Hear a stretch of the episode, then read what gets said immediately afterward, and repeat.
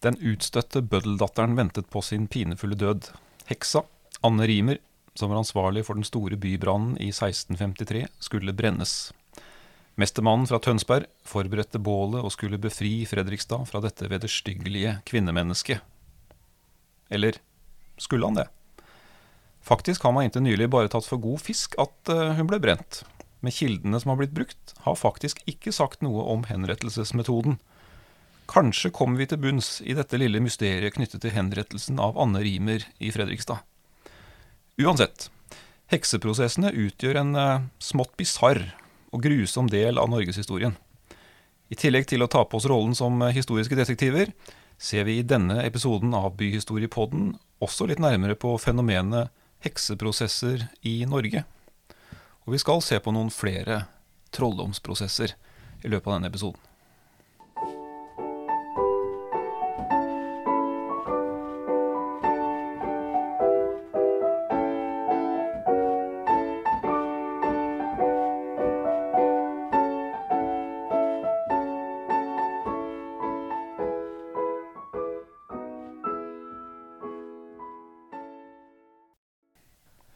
Hjertelig velkommen til en ny episode av Byhistoriepodden. En eh, dramatisk intro ved Trond Svandal der. Jeg heter Lars Thoresen, og sammen skal Trond og jeg se litt nærmere på dette med hekseprosesser i eh, ikke bare Fredrikstad, men også i et par andre steder i Norge som et lite sammenligningsgrunnlag.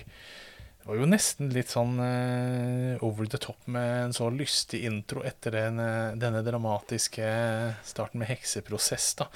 Det står jo veldig i kontrast til, uh, til det grusomme som disse hekseprosessene tross alt var. ja, Men så er jo, er jo Fredrikstads historie en historie med mange fasetter. Og den litt mynt muntre bysangen fra 1917 uh, var vel kanskje noe litt annet enn uh, den dramatiske historien om uh, Anne Rimer, som vi skal komme nærmere inn på i, i denne episoden av Byhistoriepodden vår. Men vi er jo kanskje på riktig tid av året til å fortelle historien. Ja, det er ikke så langt unna sankthanstråden, og det er, jo, det er jo Da brenner man jo bål for å holde de onde åndene vekk, da. Det er jo og det er jo også da man så for seg vel at heksene skulle dra til Bloksberg, og det var en av høytidsdagene for heksene også, eh, i hvert fall etter gammel tradisjon. Det var jo det, og um, det er jo uh, en veldig lang tradisjon dette med å brenne bål uh, rundt sankthans og holde onde ånder bort. Og det var kanskje noe sånt man tenkte også med heksene i sin tid, da de skulle brennes og renses for det onde i, i dem. Ja, det var jo ikke uvanlig at tekstene ble brent. Om Anne Riiber ble brent, det skal vi prøve å nøste opp i løpet av denne, denne episoden her. Anne Rimer, vi må jo presentere henne siden hun blir på en måte hovedpersonen i denne, denne podkasten. Eh, hvem var Anne Rimer, Trond? Ja, Anne Rimer var, eh, var datter av en tidligere bøddel, eller mestermann i Fredrikstad. Halvor Rimer. Og vi er nå på i første halvdel av 1600-tallet. Eh, eh, Anne og søsteren Marte de, de, bodde i byen. Eh, var nok ikke av de mest ansette innbyggere i byen. Det var gjerne verken bøddelen eller bøddelens familie. Sett på som ja, hva kan vi si, litt, litt urene. Ikke byens beste borgerskap på noen som helst måte. Og Anne Rimer er jo også en skikkelse som uh, har blitt uh, egentlig beskrevet ganske mye i Fredrikstads historie. Uh, omtales grundig i det store byhistorieverket som kom i 1960, som Martin Deli skrev. og har vært en, en, person som, og hennes skjebne har blitt fortalt av mang en guide i Fredrikstad, og, og, en, og, er for så vidt en viktig del av den dramatiske delen av byhistorien. Og det er jo pga. at hun da ble stilt for retten i en uh, hekseprosess, trolldomsprosess. Uh, og så kan man jo lure på om uh, var, det, var hun en heks? Ja, Det tror vi kanskje ikke i dag. Men hva var denne rettssaken? For det har vært en del tvil også rundt det som skjedde. For Det som er viktig her, er jo å huske på at det er det er en bybrann her som hun forårsaker, og dermed så er selvfølgelig ikke stemningen Anne, altså i forhold til Anne Rimer den beste i Fredrikstad anno 1653. Det må vi vel kunne fastslå ganske klart. Det må vi absolutt kunne fastslå. og det er, det er jo en veldig dramatisk bakgrunn for denne hekseprosessen. Det er, det er som du sier, det er den store bybrannen. Eh, absolutt ikke den første bybrannen som hadde, som hadde ramma Fredrikstad, men det var en, en, stor og veldig alvorlig bybrann. og mange av de mest fremstående borgerne i byen, eh, både rådmenn og storkjøpmenn, blir ramma av brannen. Deres gårder eh, brenner ned. Og egentlig hele byen nord for kirka, altså nordlige halvdelen av byen, brenner ned i den store brannen. Og Det som skiller denne bybrannen fra mange andre bybranner, er jo at dette her er jo en brann som har blitt satt på med vilje. Altså Den har blitt starta for å brenne ned en bygning, og så ryker eh, halvparten av byen med i samme slengen. I en slags hevnaksjon. Ja, og det er, her, eh, er, jo her, eh, Anne da kommer inn i historien. Um, og kort om hendelsesforløpet så, så, sies det da at um, Så blir da Anne anklaga for, og det var nok med rette, at hun hadde satt fyr på en, et tørkehus, en kjølne eller kjone. Uh, brukt å tørke korn. Dette var jo bygninger som det nok var ganske mange av. Eh, og Her var det en forhistorie med at eh, Anne hadde livnært seg på å tørke korn for andre, og så mente hun at andre hadde eh, ja, kommet henne i næringa. Eh, I en hevnaksjon tenner hun på eh, denne, dette tørkehuset til en av rådmennene i byen. Det er jo ikke bare det at hun mener at andre har gått henne i næringa, det er jo noen av rådmennene i byen som rett og slett ja, får revet tørkehuset hennes av en eller annen grunn. Så her er det en eller annen konflikt vi ikke helt har eh, full oversikt over. Men klart noen går og river ned tørkehuset til Anne Rimer. Du blir litt bitter av det, muligens, og så skal du hevne deg. Og det går litt over stokk og sten med hevnaksjonen. Ja, det gjorde det jo i aller høyeste grad. For den brannen den, den rammer jo ikke da bare tørkehuset. Det medfører jo at eh, halve byen brenner ned som resultat av dette her. Men så må vi jo kanskje da, og som du sier, vi kjenner jo ikke helt denne forhistorien. Altså, her har det vært eh, en konflikt, og ut fra de ganske utførlige rettsdokumentene så har det vært eh, mange konflikter. Og vi, vi kan nok ane at Anne har vært en, en utstøtt og ganske mislikt person av mange. Hun har nok vært i konflikt med flere, og sannsynligvis da, eller det tyder på at det har vært i konflikt med flere av de ledende menn i byen. Rådmennene, og borgermesteren og byfogden. Eh, så her eh, er det nok mange ting som, som rammer da Anne veldig hardt. Det er jo ikke alltid et sjakktrekk å være i konflikt med mange av byens ledende menn, særlig ikke om man har da en kvinne uten en sterk mann ved sin side. For det er klart at Anne og søstera Marte det var jo ganske alene i verden, må vi tro, da når de også klarte å komme i konflikt med mange av de ledende mennene i byen, så hadde de, seg, hadde de kanskje bare seg sjøl å, å på en måte stole på og satse på. Det var ingen som hadde noen voldsomt varm omtanke for disse to bøddeldøtrene. De var eh, overlatt til seg sjøl i denne maktkampen her, og da stiller de svakt når de klarer å erte på seg mange av rådmennene i byen og disse fremste byborgerne. Ja, og vi vet jo at altså, vi er på 1600-tallet, og ugifte kvinner hadde ingen sterk stilling i samfunnet. Og det merker vi jo særlig i denne episoden her, hvor vi skal ta for oss dette med hekser. Veldig typisk at det var ugifte kvinner og enker som fort fikk noen uh, hekserykter knytta til uh, seg. Uh, denne prosessen mot Anne, hvordan skal vi beskrive den? Hvordan, er det en rettferdig rettssak? Hva skal vi si om det? Ja, det er, et, det er, jo et, godt spørsmål, og det kan en jo diskutere. Sett med dagens uh, rettspraksis så var det, vel, uh, var det, vel, ikke det. Men uh, den er jo godt beskrevet. Altså Vi har ganske mange dokumenter og rettsreferater, og dommen er bevart. vi er jo på en tid på, altså da på 1600-tallet hvor rettsvesenet dokumenteres ganske godt. og det er, det er en rettssak, absolutt. Det er dommere, det er vitner som kalles inn. og det er vitner som taler både for og imot. Ehm, så, så, på en måte så var det jo en rettferdig rettssak. Man følger, eh, man følger loven, og, og, det blir avsagt en, en, dom. Så kan vi være uenige i dommen, for den er jo, den er jo voldsom, og den er dramatisk. Ehm, men, eh, men, det er klart, det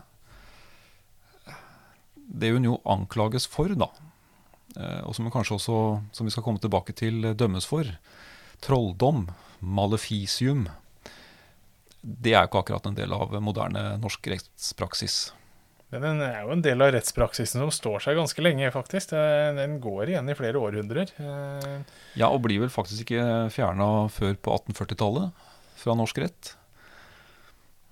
Dette med maleficium er altså hva skal vi kalle det, svart magi. Altså evnen til å bruke trolldom for å volde fysisk skade, sykdom, eh, død for folk og fe, senke skip, ødelegge avling. og flere ting som man da kunne utøve med denne svarte magien. Jeg eh, kjenner til et par saker, i hvert fall én eh, fra området oppe i nord i Norge, hvor en samisk magiker da går ned i vannet og skal skape vind, f.eks. Og og da ender det med at en båt synker. Altså er, og da blir han beskyldt for da, at han har vært og berørt dette vannet, at han senker dette skipet. Og det han da mener man han har gjort med svart magi. Eh, så det er ganske mange sånne rare tilfeller. Altså vi kan jo tenke oss et par par andre grunner til at det blåser opp og at noen skip synker i dag, enn at en eh, samisk eh, trollmann skal ha gått ned i vannet og, og, og, skapt sterke vinder. Det er jo ikke uvanlig på Finnmarkskysten med, med, litt vind. Eh, og når vi er inne på det, så, så var vel ikke hekseprosessene Det var en viss geografisk skjevfordeling også, var det ikke det? Det var ganske, ganske mye skjevfordeling en del steder. Også, ikke bare internt i Norge, men også mellom forskjellige land. Altså, det var jo stor forskjell på hvor hekseprosessen var eh, hissigst. Og det er ikke noe tvil om at Finnmarksområdet er overrepresentert i forhold til andre deler av landet. Eh, og hvis vi ser på hekseprosesser generelt, så er det jo en del land i Europa hvor antallet prosesser er ganske voldsomt. Jeg tror jeg vil ta et par eksempler. så i England, som vel rundt eh, år 1600 har fem millioner innbyggere eller noe der omkring, så er det 300 prosesser i løpet av den perioden vi snakker om her. Eh, I Skottland så er det fire ganger så mange med, én million innbyggere. Eh, så det er klart det, det er ganske stor forskjell på dem. Går vi til Tyskland, så er det kanskje 15-16 millioner innbyggere, og det er, eh, er det 25 000 hekseprosesser, eller, død, som, eller hekser som blir drept, da, henretta. Så det, det er enorme forskjeller mellom land. I Frankrike kunne du f.eks. bo trygt i enkeltområder, områder, hvor man knapt nok hadde en eneste prosess, mens mm. det var da enkelte deler av Frankrike, bl.a. grenseområdene mot Tyskland, ikke utypisk kanskje, hvor det var ganske mange, ganske stor prosentandel av hekseprosessene ble gjennomført. Så eh, enorme forskjeller, eh, litt basert på religiøs bakgrunn osv. Kanskje noe mindre i rene katolske land enn i protestantiske land. fordi Luther er jo en figur som er inne her og mener mye om svart magi. Og man er jo veldig prega av lutherdommen i Norge eh, og Danmark og mange andre land eh, mm. etter, eh, etter, reformasjonen. Så da, da blir det jo mange prosesser i disse protestantiske landene, også kalvinistiske områder, sånn som Skottland blir beskrevet som. Der blir det mange prosesser. Og, så det, du kan ha uflaks med bostedet ditt, rett og slett, eh, med tanke på å bli forfulgt som heks. da. For mange tenker jo at uh, hekser, da er vi i middelalderen. Men det er vi jo ikke.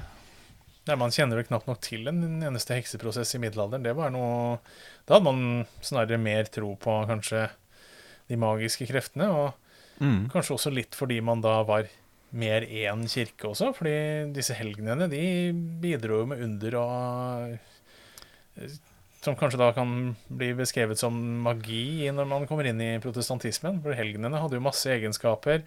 Kunne bli frisk ved å be til disse helgenene. Man kan jo hente krefter fra forskjellige helgener i den katolske læra. Og så kom man da inn i dette skillet mellom eh, protestanter og katolikker, og da blir mye av dette overnaturlige, eller det, disse magiske tinga, det blir litt borte da, så, i mm. den protestantiske delen. Og da blir det heller sett på som noe negativt som mer hører til en annen konfesjon da, enn uh, protestantismen. Ja, og vi ser det jo uh, Vi ser det jo tydelig også i, i, Norge, selv om det kanskje ikke var Det var ikke her de fleste hekseprosessene var. Men eh, hvis du ser i de norske middelalderlovene, så er vel trolldom er vel omtalt. Men det er jo ikke noe du straffes hardt for. Men når du kommer inn på 1500-1600-tallet, så blir det jo en helt annen trolldomslovgivning. Og da er det jo voldsomt strenge straffer. Da er det jo henrettelse og brenning på bål. Og altså av og til eh, ikke helt ukjent at man da også halshogger noen. Eh, halshogging er eh, også ganske vanlig, selv om det nok var flest brenninger av de som ble dømt til, dømt til døden, da, så er, det- Mhm. er det litt Det er derfor også er litt eh, Det står jo egentlig ikke kildene om eh, denne Anne Rimer faktisk ble brent. Det Nei, for der, er vi jo, for der er vi jo litt inne på, på historien vår igjen. Og som det jo har vært stilt noen spørsmål eh, ved, da. Um, I denne klassiske byhistorien som er, eh, som er 60 år eh, gammel ca., som ble kommet i 1960, så tas det jo nesten som en selvfølge at Anne ble brent på bålet. Men det står jo ikke det i dommen. Det står jo ikke noe om det. Det står noen formuleringer om noen Anne Rimers pinsler og død, står det. Og da må vi jo huske på ordbruken her. Da tenker jo alle selvfølgelig i dag på pinsler. Ja, selvfølgelig ble hun brent da når hun ble pint. Men dette med pining, det var noe helt annet tidligere. Det står jo til og med vel i 1814-grunnloven. Altså pinlig forhør er ikke lov. Det betyr rett og slett altså tortur. Altså forhør under tortur. Så når man snakker om pinsler, det var helt vanlig at man eh, torturerte disse som var heksetiltalt, for å fremprovosere en tilståelse, da, altså få fram, få fram dette her. Det var en helt legitim måte å, å bruke på den tida her, i hvert fall, syns man da. Vi ser jo på det her selvfølgelig som noe som er grusomt, men, men eh, tortur, vanlig forhørsmetode for hekser. Eller heksemistenkte, da. Så Derfor så vet vi egentlig ikke, i hvert fall ikke de kildene som eh, tidligere har blitt brukt, så står det ikke konkret at Anne Rimer ble brent. Så dette var et lite mysterium.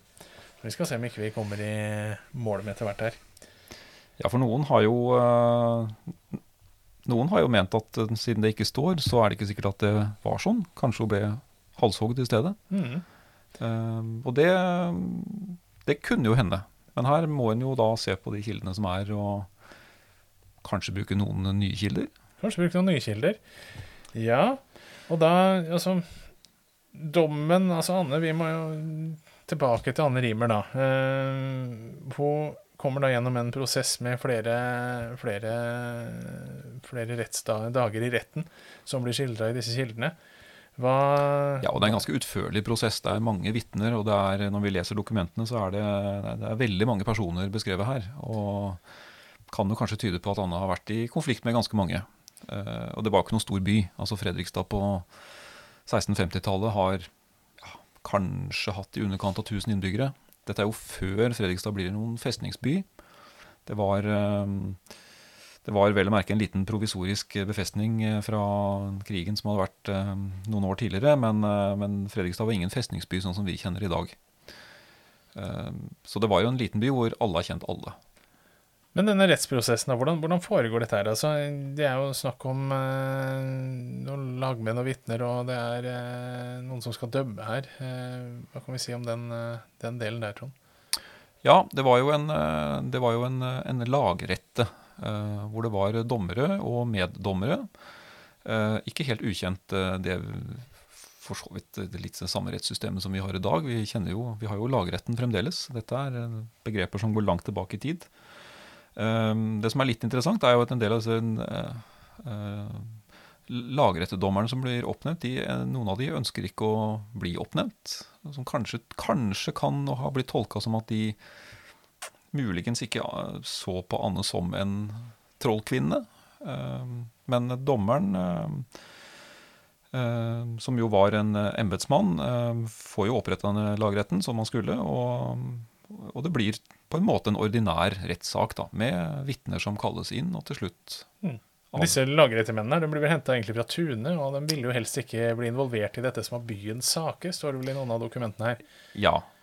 Uh, og det er jo Så her kan det jo kanskje bære vel så mye det. Altså det går på rettspraksis. For, for byen var Byene var jo en, egentlig en sånn egen retts... uh, det var ganske stort selvstyre i byene. Uh, og hvor disse som da kom fra, fra landet, ville kanskje ikke involvere så mye i det.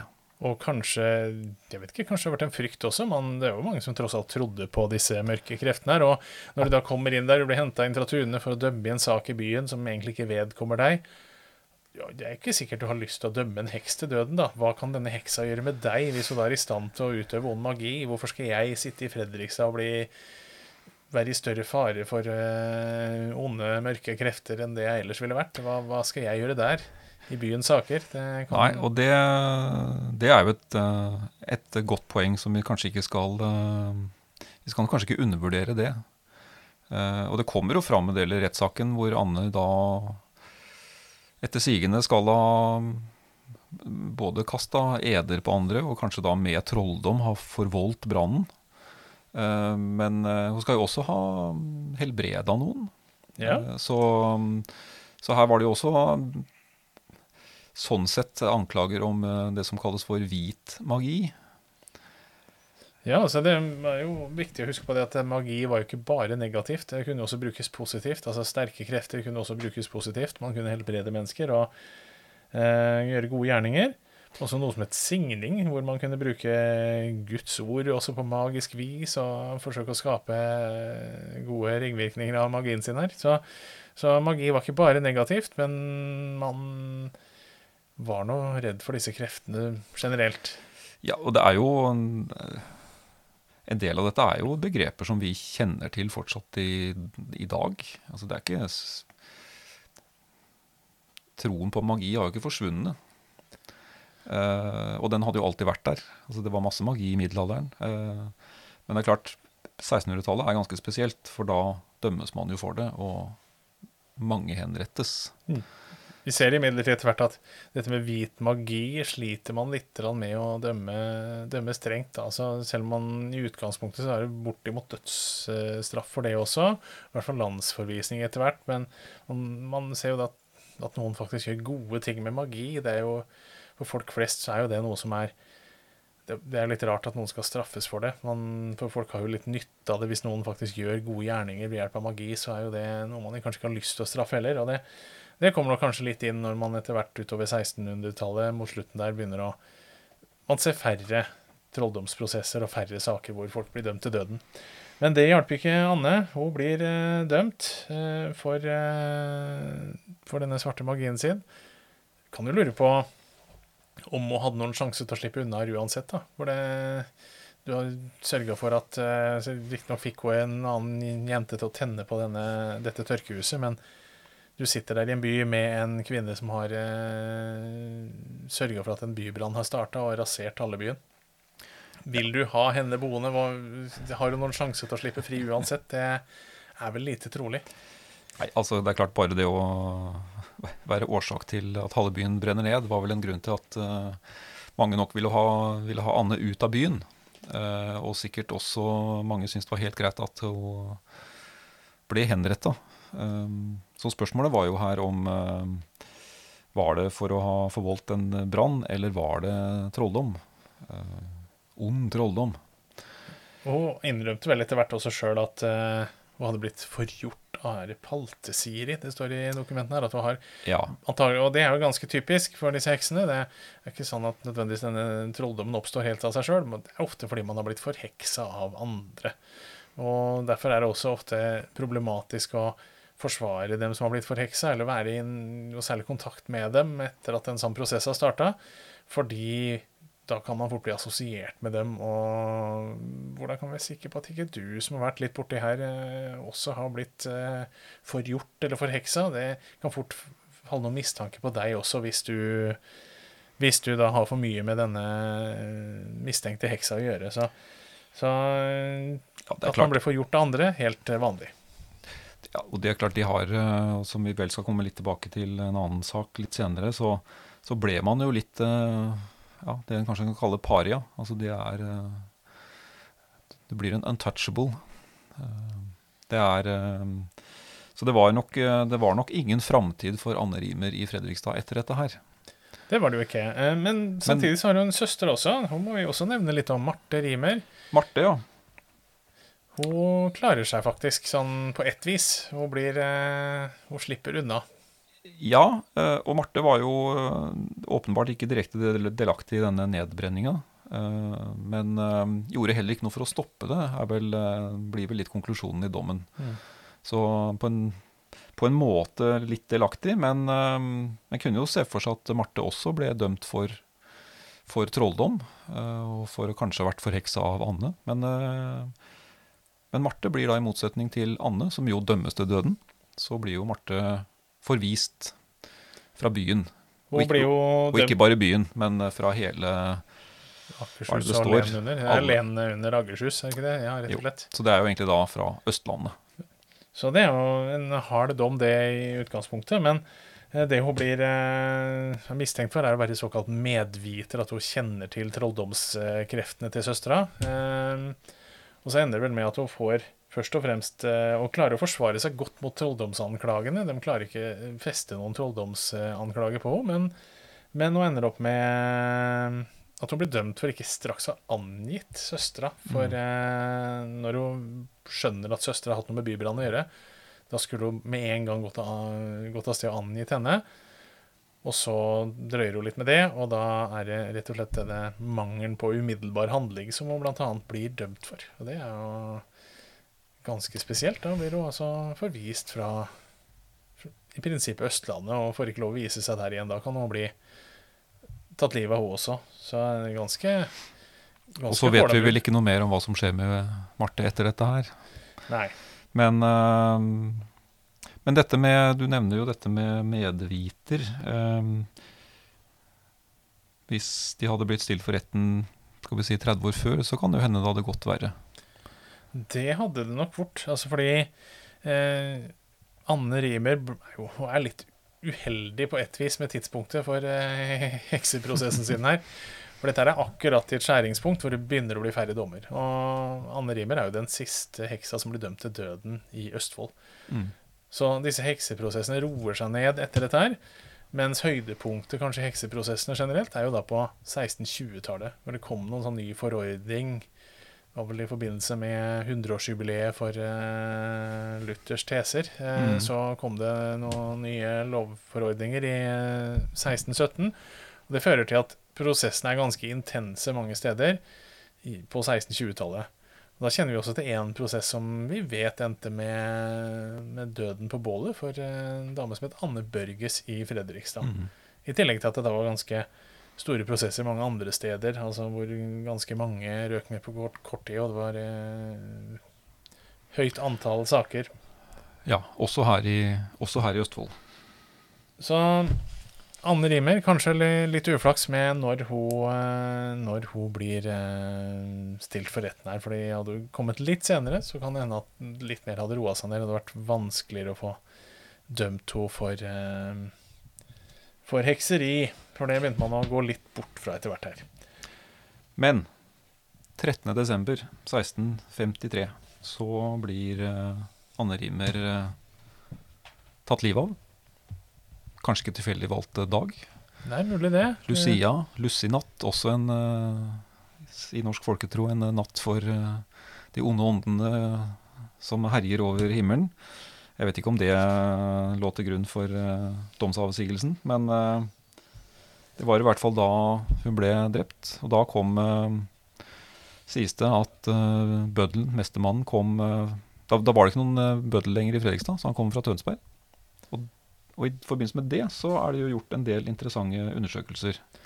Og kanskje ja. komme til noen konklusjoner. Ja, fordi hvordan skal man når altså, egentlig de opprinnelige hovedkildene her ikke sier noe om dødsmetoden, eh, hvordan, eller henrettelsesmetoden, da.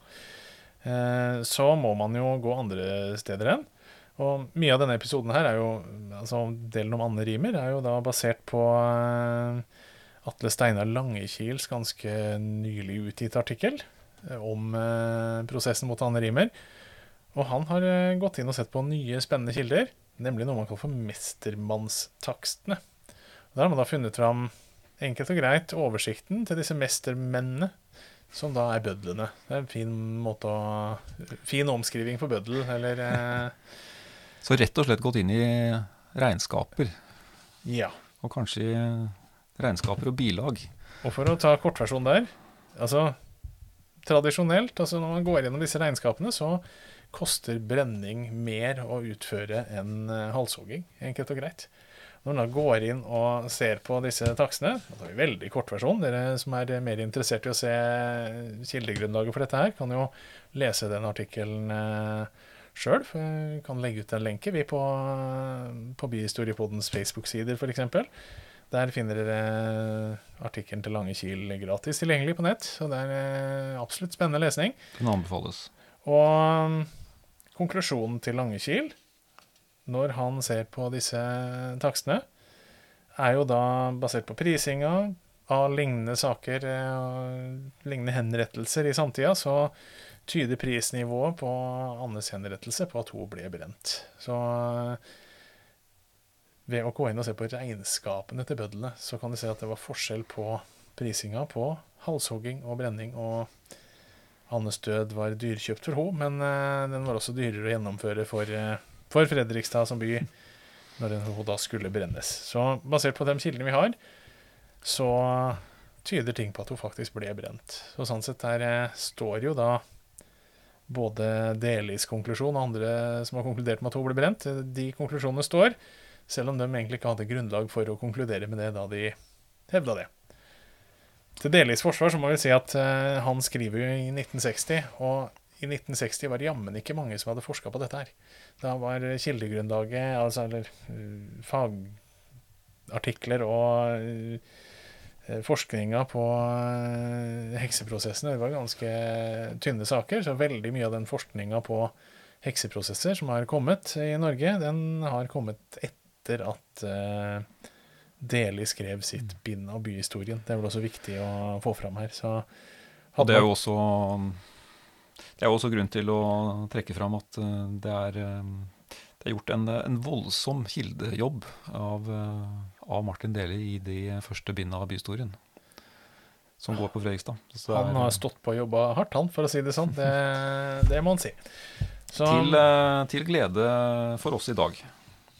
OK. Anne Rimer, vi kan jo kanskje um, prøve å sette det her litt mer i perspektiv. Vi har sagt litt generelt allerede om, uh, om uh, disse prosessene ute i Europa, litt i Norge, hvor stort omfang det var.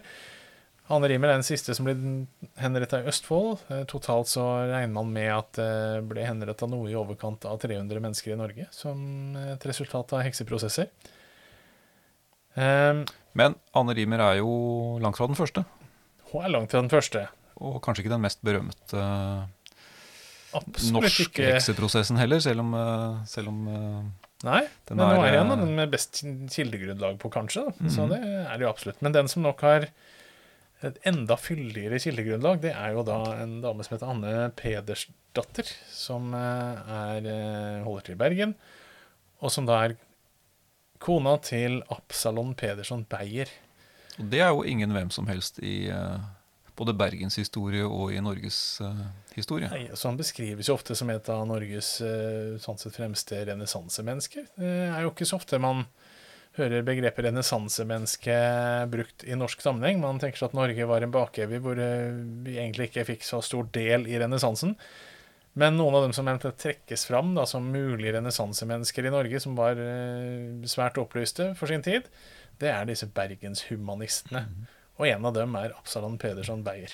Som jo faktisk er en av de som skriver om uh, Fredrikstads tilblivelse. I hvert fall uh, brannen i Sarpsborg i 1567.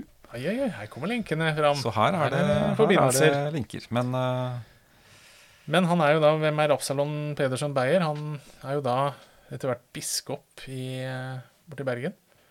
Er en uh, høyt utdanna kar. Og er absolutt en del av overklassen i Bergen. Tradisjonelt så er jo dette med altså kvinner, enslige kvinner og enker, er jo ofte dem som eh, blir utsatt for eh, litt sånn skumle rykter om mørk magi. Og sånn sett er jo Anne Pedersdatter litt utypisk, for hun er en del av det øverste borgerskapet i Bergen. Det hun pleier omgang med, med, de fremste menneskene i Norges største by på den tida. Er absolutt en del av eliten. Og likevel så begynner det etter hvert å komme noen rykter. Begynner å bli spredd rykter om henne. Og da er det godt å ha en mann som er handlekraftig. Og det er jo Absalon absolutt. For han har gode forbindelser oppover i systemet. Sender brev, altså tar kontakt med kongen i København. Får et brev tilbake som frikjenner kona for, eh, for disse hekseryktene, og sier at hun ikke er en heks.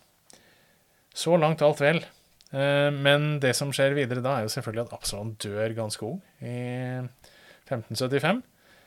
Eh, så dør han, og da sitter Anne igjen alene i Bergen, og da jeg vet ikke om vi skal si hun ble fritt vilt, men hun hadde i hvert fall ingen høy beskytter i samfunnet lenger. Samtidig hadde også noen av de fremste vennene til, eh, til eh, Anne Pedersdatter og Absalon De hadde forsvunnet fra Bergen. De hadde dratt tilbake til Danmark. Og dermed så sitter hun litt alene i, i Bergen. Og hun ble utsatt for mange pussige rykter. Eh, For her er det, her er det noen ordentlige pussigheter også. Ja, virkelig. Altså, dette her ja, De som vil høre mer om Anne Pedersdatter, kan uh, høre på en podkast som uh, som er gitt ut av Nasjonalbiblioteket, som heter Gamle greier. Der har man en uh, episode om prestefruen som ble brent på bålet. spennende saker. Der får man mer fullstendig historie, men der blir det nevnt en god del pussigheter. Blant annet skal hun ha drept et pæretre du holder hendene rundt det. Krangler med noen kråkejegere og litt forskjellig som skal ha skapt trøbbel. Skal ha gitt en bit loff eller brød til et barn også, som rett etterpå blir blå i ansiktet og dør. Eh, og mange, mange sånne rykter. Det nærmer seg nesten en sånn eh, mobbekampanje, kan man kanskje kalle det. I hvert fall noen som vil bruke det begrepet i dag. Men en av de tinga som virkelig da skaper trøbbel for Anne Pedersdatter, er at hun havner i en konflikt med en eh, kvinne. Hvor eh, Annes datter og sønnen til denne Tolliken eh, tror hun heter Henriksdatter. Må jeg ta med en klype salt akkurat etternavnet, det står litt fast i farta her. Men eh, Tolliken hun eh, angir Anne på dødsleiet. Og sier at Anne hun har eh, mørke krefter. Og døende mennesker, dem tror man på på denne tida her. Mm. man lyver jo ikke på dødsleie. Det, er, eh, det veier tungt som bevis. Da skal man møte sin skaper, og hvis du da lyver på dødsleie, det betyr at det siste du gjør, er å lyve før du da sovner inn. Mm. Det er ikke bra. Så derfor regner man med at folk ikke gjør det. Eh, og dermed så sitter Anne Pedersdatter med en beskyldning fra fra en kvinne, en døende kvinne, en avdød kvinne, som hun da er helt sjanseløs på å forsvare seg mot. Og dette her er da bunner i en konflikt om et uh, mulig giftermål mellom dattera til Anne og sønnen til denne tolliken, og her er det mye rare beskyldninger. Um, hvis vi skal ta et par pussigheter til altså når det begynner å balle på seg her, og mange står fram med beskyldninger, og dette etter hvert blir en formell prosess når vi kommer da fram mot 1590 Det tar jo ganske lang tid da fra de første ryktene kommer, til hun da endelig blir eh, utsatt for en rettsprosess. Så eh, det kommer bl.a. beskyldninger fra en tjenestejente som har tjent hun Anne, som mener at hun har ja, Anne har egentlig ridd på henne på vei til heksetreffet Lyderhorn, som da er eh, stedet i nærheten av Bergen, hvor man da er fjellet, hvor man da mener at heksene samles i spesielle anledninger. Så eh, det er jo ganske spesielt at noen står fram og mener at øh, jo da, Anne har øh, tatt meg med på tur og brukt meg som, som flyvende riddedyr omtrent, og dratt på heksetreff med meg. Det kan jeg vitne om. Jeg lurer, Det er, høres jo veldig spesielt ut. I hvert fall i dag så gjør det det. Og dette brukes i, som argument i rettssaken. Ja. Og der er det selvfølgelig også da Lagmannen stiller både som eh, vitne og dommer i samme sak, f.eks. Det er jo ganske pussig. Eh, nå tror jeg han dog var en av få som sa noe som kunne tale til Annes fordel. men men det var veldig mye rar rolleblanding her. Og inhabilitet i rettssystemet var kanskje ikke så utvikla som eh, Nei. i dag. Det ser vi også, på, ser vi også i Fredrikstad, Anne Rimer. For det var jo altså konene og tjenestejentene til disse bedre borgerne, rådmennene i Fredrikstad, som, eh, som eh, også stilte som vitner, altså som vitna mot Anne Rimer i rettssaken i Fredrikstad. Så det er jo et herlig sammensurium av roller også her, ikke bare, i, ikke bare i Bergen med Anne Pedersdatter. Så det stiller noen spørsmål rundt rettssikkerheten i den, eh, i den perioden her også. Ja, og det var, vi er jo i en tid, selv om vi kanskje kan si at rettssystemet var ganske godt i Norge, så, så var det jo en helt annen rettssikkerhet, og det var jo ikke likhet for loven. Nei, man skulle helst kjenne noen. Det er vel noe som går igjen her. Altså, hvis man kunne stille med ganske mange vitner, altså man kunne, i de mest alvorlige sakene, så måtte man vel ha elleve eller tolv personer som uh, kunne sverge en ed sammen med deg på at du ikke hadde gjort noe. Det var i de mest alvorlige sakene. Også i mindre alvorlige saker så holdt det kanskje med seks eller tre, eller av og til i småsaker kunne holde at bare du sjøl vitna. Så det var et sånn grunnleggende prinsipp man hadde. Men særlig da i en hekseprosess så var det nok vanskelig å få disse tolv personene til å stille opp som man da trengte i en, i en sånn sak. Og det var kanskje ikke tolv eh, personer i Fredrikstad som uh, ville gå god for Anne Rimer. Hun mangla nok mye av nettverket og, og uh, forbindelsene ja, som kunne gi henne mange villige vitner. Men det, det, holdt jo ikke for Anne Pedersdatter heller? Det holdt ikke for Anne Pedersdatter heller, absolutt ikke. Men hun hadde også mista litt av sitt nettverk. Mannen var død, hadde ikke en mann som kunne stå på for seg. Var en enke. Veldig typisk det at enker ble besatt av onde ånder. Det var noe man trodde på. Kvinner var eh, lett tilgjengelig uten en mann, som var veldig, et veldig patriarkalsk samfunn sånn sett. Altså, var du kvinne, så, så sto du svakt. Og Kravet til vitners pålitelighet var jo da, som jeg har nevnt, ikke heller eh, veldig godt. Eh, Jørn Øyrehagen Sunde, som er professor i rettshistorie, han har beskrevet rettssikkerheten som ganske god, men når det gjelder saker som dreier seg om samfunnets sikkerhet, da røk ofte disse prinsippene. Og når man hadde et menneske som besatt eh, mørke trolldomskrefter midt iblant seg, da var det mange som fikk litt panikk og var redde. Det var nærmest man trodde at eh, hvis man gikk forbi dette mennesket på gata, så kunne man jo bli forheksa. Det så vi annet etter at denne Anne Pedersdatter ble brent, så var det et par prester som hadde gått bort og tatt på liket hennes etter at hun var død. Og det skapte stor oppstandelse og furore, for hun hadde også noen som kjempa for seg. Men eh, ikke nok til at hun da unngikk eh, døden. Så um uten å trekke linjene altfor uh, tett opp til våre dagers uh, terrorlovgivning og kanskje koronalovgivning, så, så gikk samfunnssikkerhet uh, foran uh, veldig mye. Hvis det var uh, ansett som nok, krise. mange nok føler seg litt utsatt her, så gjør jo det. og da ser vi det at Anne Pedersdatter, selv om hun da egentlig var en fremstående kvinne, så klarte hun da likevel å bli dømt for uh, dømt for hekseri og brent på bålet i Bergen. Eh, og altså, disse dagene Jeg vet ikke om det er eh, Jeg vil nok tro at Anne Pedersdatters dag kanskje nok er valgt tilfeldig, uten sammenheng eh, for øvrig her. Du nevnte jo dette her med Anne Rimer som ble brent på Lucia-dagen, mens Anne Pedersdatter ble brent 7. april 1590. Og informerte Fredrikstad-borgere vet jo selvfølgelig hva, den, hva, som skjedde den dagen i Fredrikstad. Så nå rynker Trond Svandal på øyenbrynet her. Det er jo stiftelsesdagen til Fredrikstad fotballklubb. Det må jo alle gode Fredrikstad-borgere vite. Men uh, den uh, sammenhengen er selvfølgelig far off. Men uh, da kan du i hvert fall huske hvilken dag Anne Pedersdatter ble brent. Det den er vel vi... anakronistisk, i hvert fall. Ja, ikke sant? Svært. Ok. Så vi måtte jo nevne det siden vi var i Fredrikstad nå, da, men uh, Det er eh, godt du, uh, godt du, fikk det tydelig fram. Tydelig fram her, yes. Uh, det som er litt Altså, ting endrer seg etter hvert, her òg. altså, Anne Rimer er jo litt uheldig, var jeg inne på her i stad. Ja, for som du var inne på, så, så kan vi kanskje se en sånn ja, hva skal vi si, en hysteritopp i 1620-åra, hvor det var mange prosesser Uh, og så holdt det seg kanskje lenger i Finnmark. Men, men, det er jo ikke så mange år etter uh, Anne Rimer blir brent, hvor dette med hekseri og trolldom uh, altså man begynner, å, man begynner å slutte å tro at det er noe man bør brennes for. Ja, det er vel en måte å si det på. For det er klart at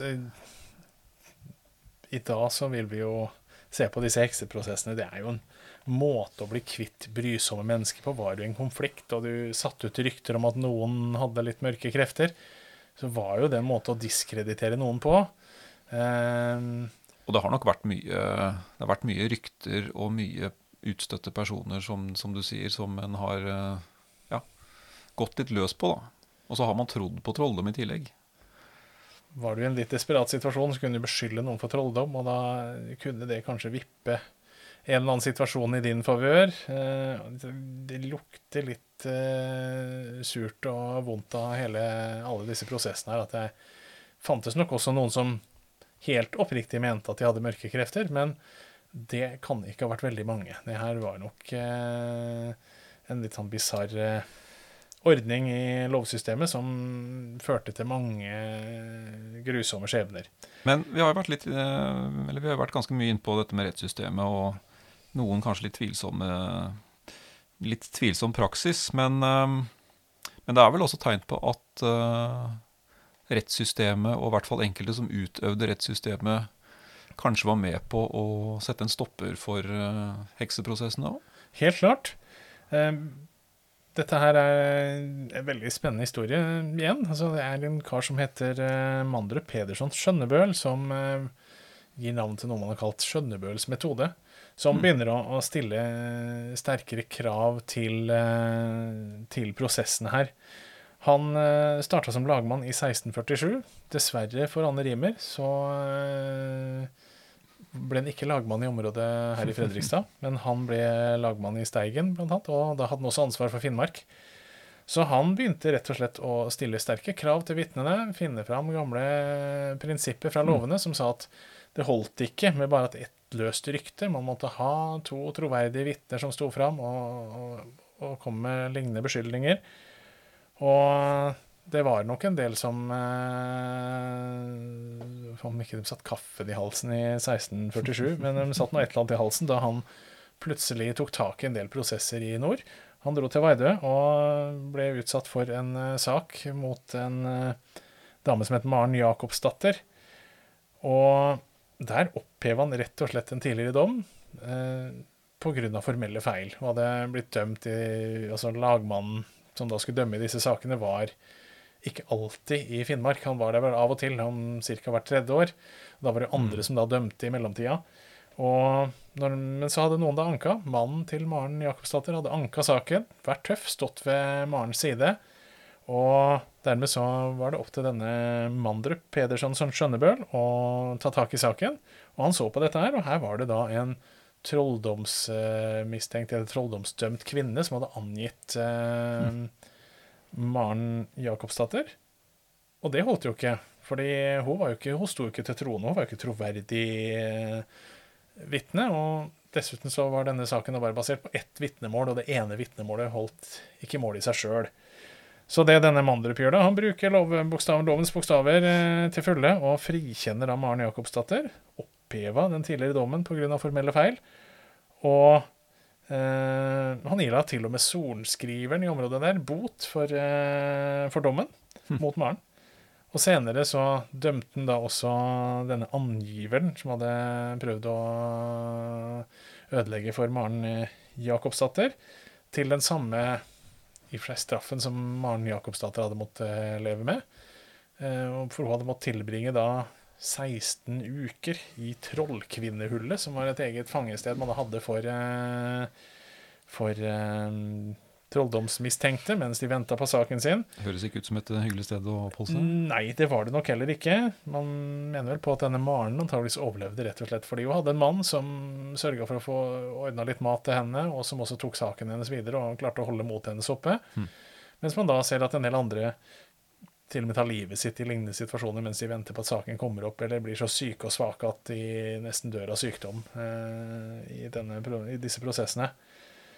Så denne angiveren ble dømt til 16 uker i Trollkvinnehullet, og Maren overlevde da takket være en mann som ikke svikta og faktisk anka dommen. Og det var, hørte med til sjeldenhetene. Men denne Mandrup Pedersen Skjønnebøl han dømte også noen til døden for, eh, for eh, for disse i heksedommer, da. Men, eh, mm. men han eh, var han ga ganske klart uttrykk for at man måtte sørge for at vitnet var troverdig, og at prosessen skulle være ryddig. Så dermed så ble det sakte, men sikkert en ganske klar slutt på disse prosessene, da. Men det hjalp ikke. Og så er det vel eh, Parallelt med dette her, så er det vel også Det brer seg vel etter hvert en eh, I hvert fall i enkelte miljøer eh, en, en idé om at trolldom og magi det ikke Det sto ikke like til troende lenger. Man, eh, man slutter rett og slett å tro på dette her. Eh, Men eh, siste dødsdom for hekseri i Norge skal vel ha vært så sent som i 1695. Ja, der var det den siste dommen i Troms. Etter det så kjenner man ikke til noen, noen flere dødsdommer. Og det til tross for at faktisk lovverket ble delvis skjerpa inn eh, med, lov, med loven til Kristian 5. fra 1687. Så ble straffen for det man kalte for demonologi, altså det å gå i pakt med djevelen, det ble, det ble skjerpa inn. Men det ble da ikke praktisert eh, etter dette her. Så prosessene dør ut. Vi ser også det i Østfold. altså at Senere prosesser ender med frifinnelse eller mild straff for f.eks. mild Altså hvit magi. da, Mild straff hvit magi. Så dette her eh, blir en endring, og man slutter i prinsippet å kjøre disse heksesakene. Særlig fra midten av 1600-tallet så endrer straffenivået seg veldig, og disse sakene slutter å komme opp med da et par unntak. Men eh, i hovedsak så er hekseprosessene over eh, i andre halvdel av 1600-tallet. Og derfor står Anne Rimer som den siste som ble brent på bålet for hekseri i Fredrikstad og i Østfold. Og som vi nå har uh, grundig gått inn på, så er det vel altså med all sannsynlighet grunn til å si at uh, hun ble brent. Hun ble brent. Det kan du jo da lese om i Atle Steinar Langekils artikkel. Det går også å lese om prosessen her i Byhistorien fra 1960. Er du interessert i Anne Pedersdatter, så kan du høre på Gamle greier, en podkast fra Nasjonalbiblioteket. Eh, Mandrup Pedersen Skjønnebøl, også Anne Pedersdatter og Absalon Pedersen Beyer, blir eh, også omtalt i Mona Ringveis utmerkede bok 'Landet mot nord', som jeg også har brukt i forberedelsen til eh, denne episoden. Eh, veldig lesbar, eh, spennende bok om norgeshistorien gjennom forskjellige menneskers eh, skjebner. Anbefales absolutt. Og lett tilgjengelig. Også både norgeshistorie.no og Store norske leksikon på nett har mange saker om hekseprosesser og prinsipper som gjaldt her. Så det er mye man kan kose seg med i både sommervarmen og høstmørket og vinterkulda. Hvis man, litt avhengig av når man hører på denne episoden her, så er det rikelig med materiale om eh, hekseprosesser. Spennende i all sin eh, bisarre grusomhet, må vi vel kunne si. Så da gjenstår det vel egentlig bare for oss å ønske riktig god sankthansfeiring. Ja, det kan vi vel eh, kanskje også ønske. Ikke får man kaste seg over Lucia-feiringer og valborgsaften, og det er mange, mange dager som er via til eh, mørke krefter og fordrive de onde maktene. Så vær forsiktig med bålet.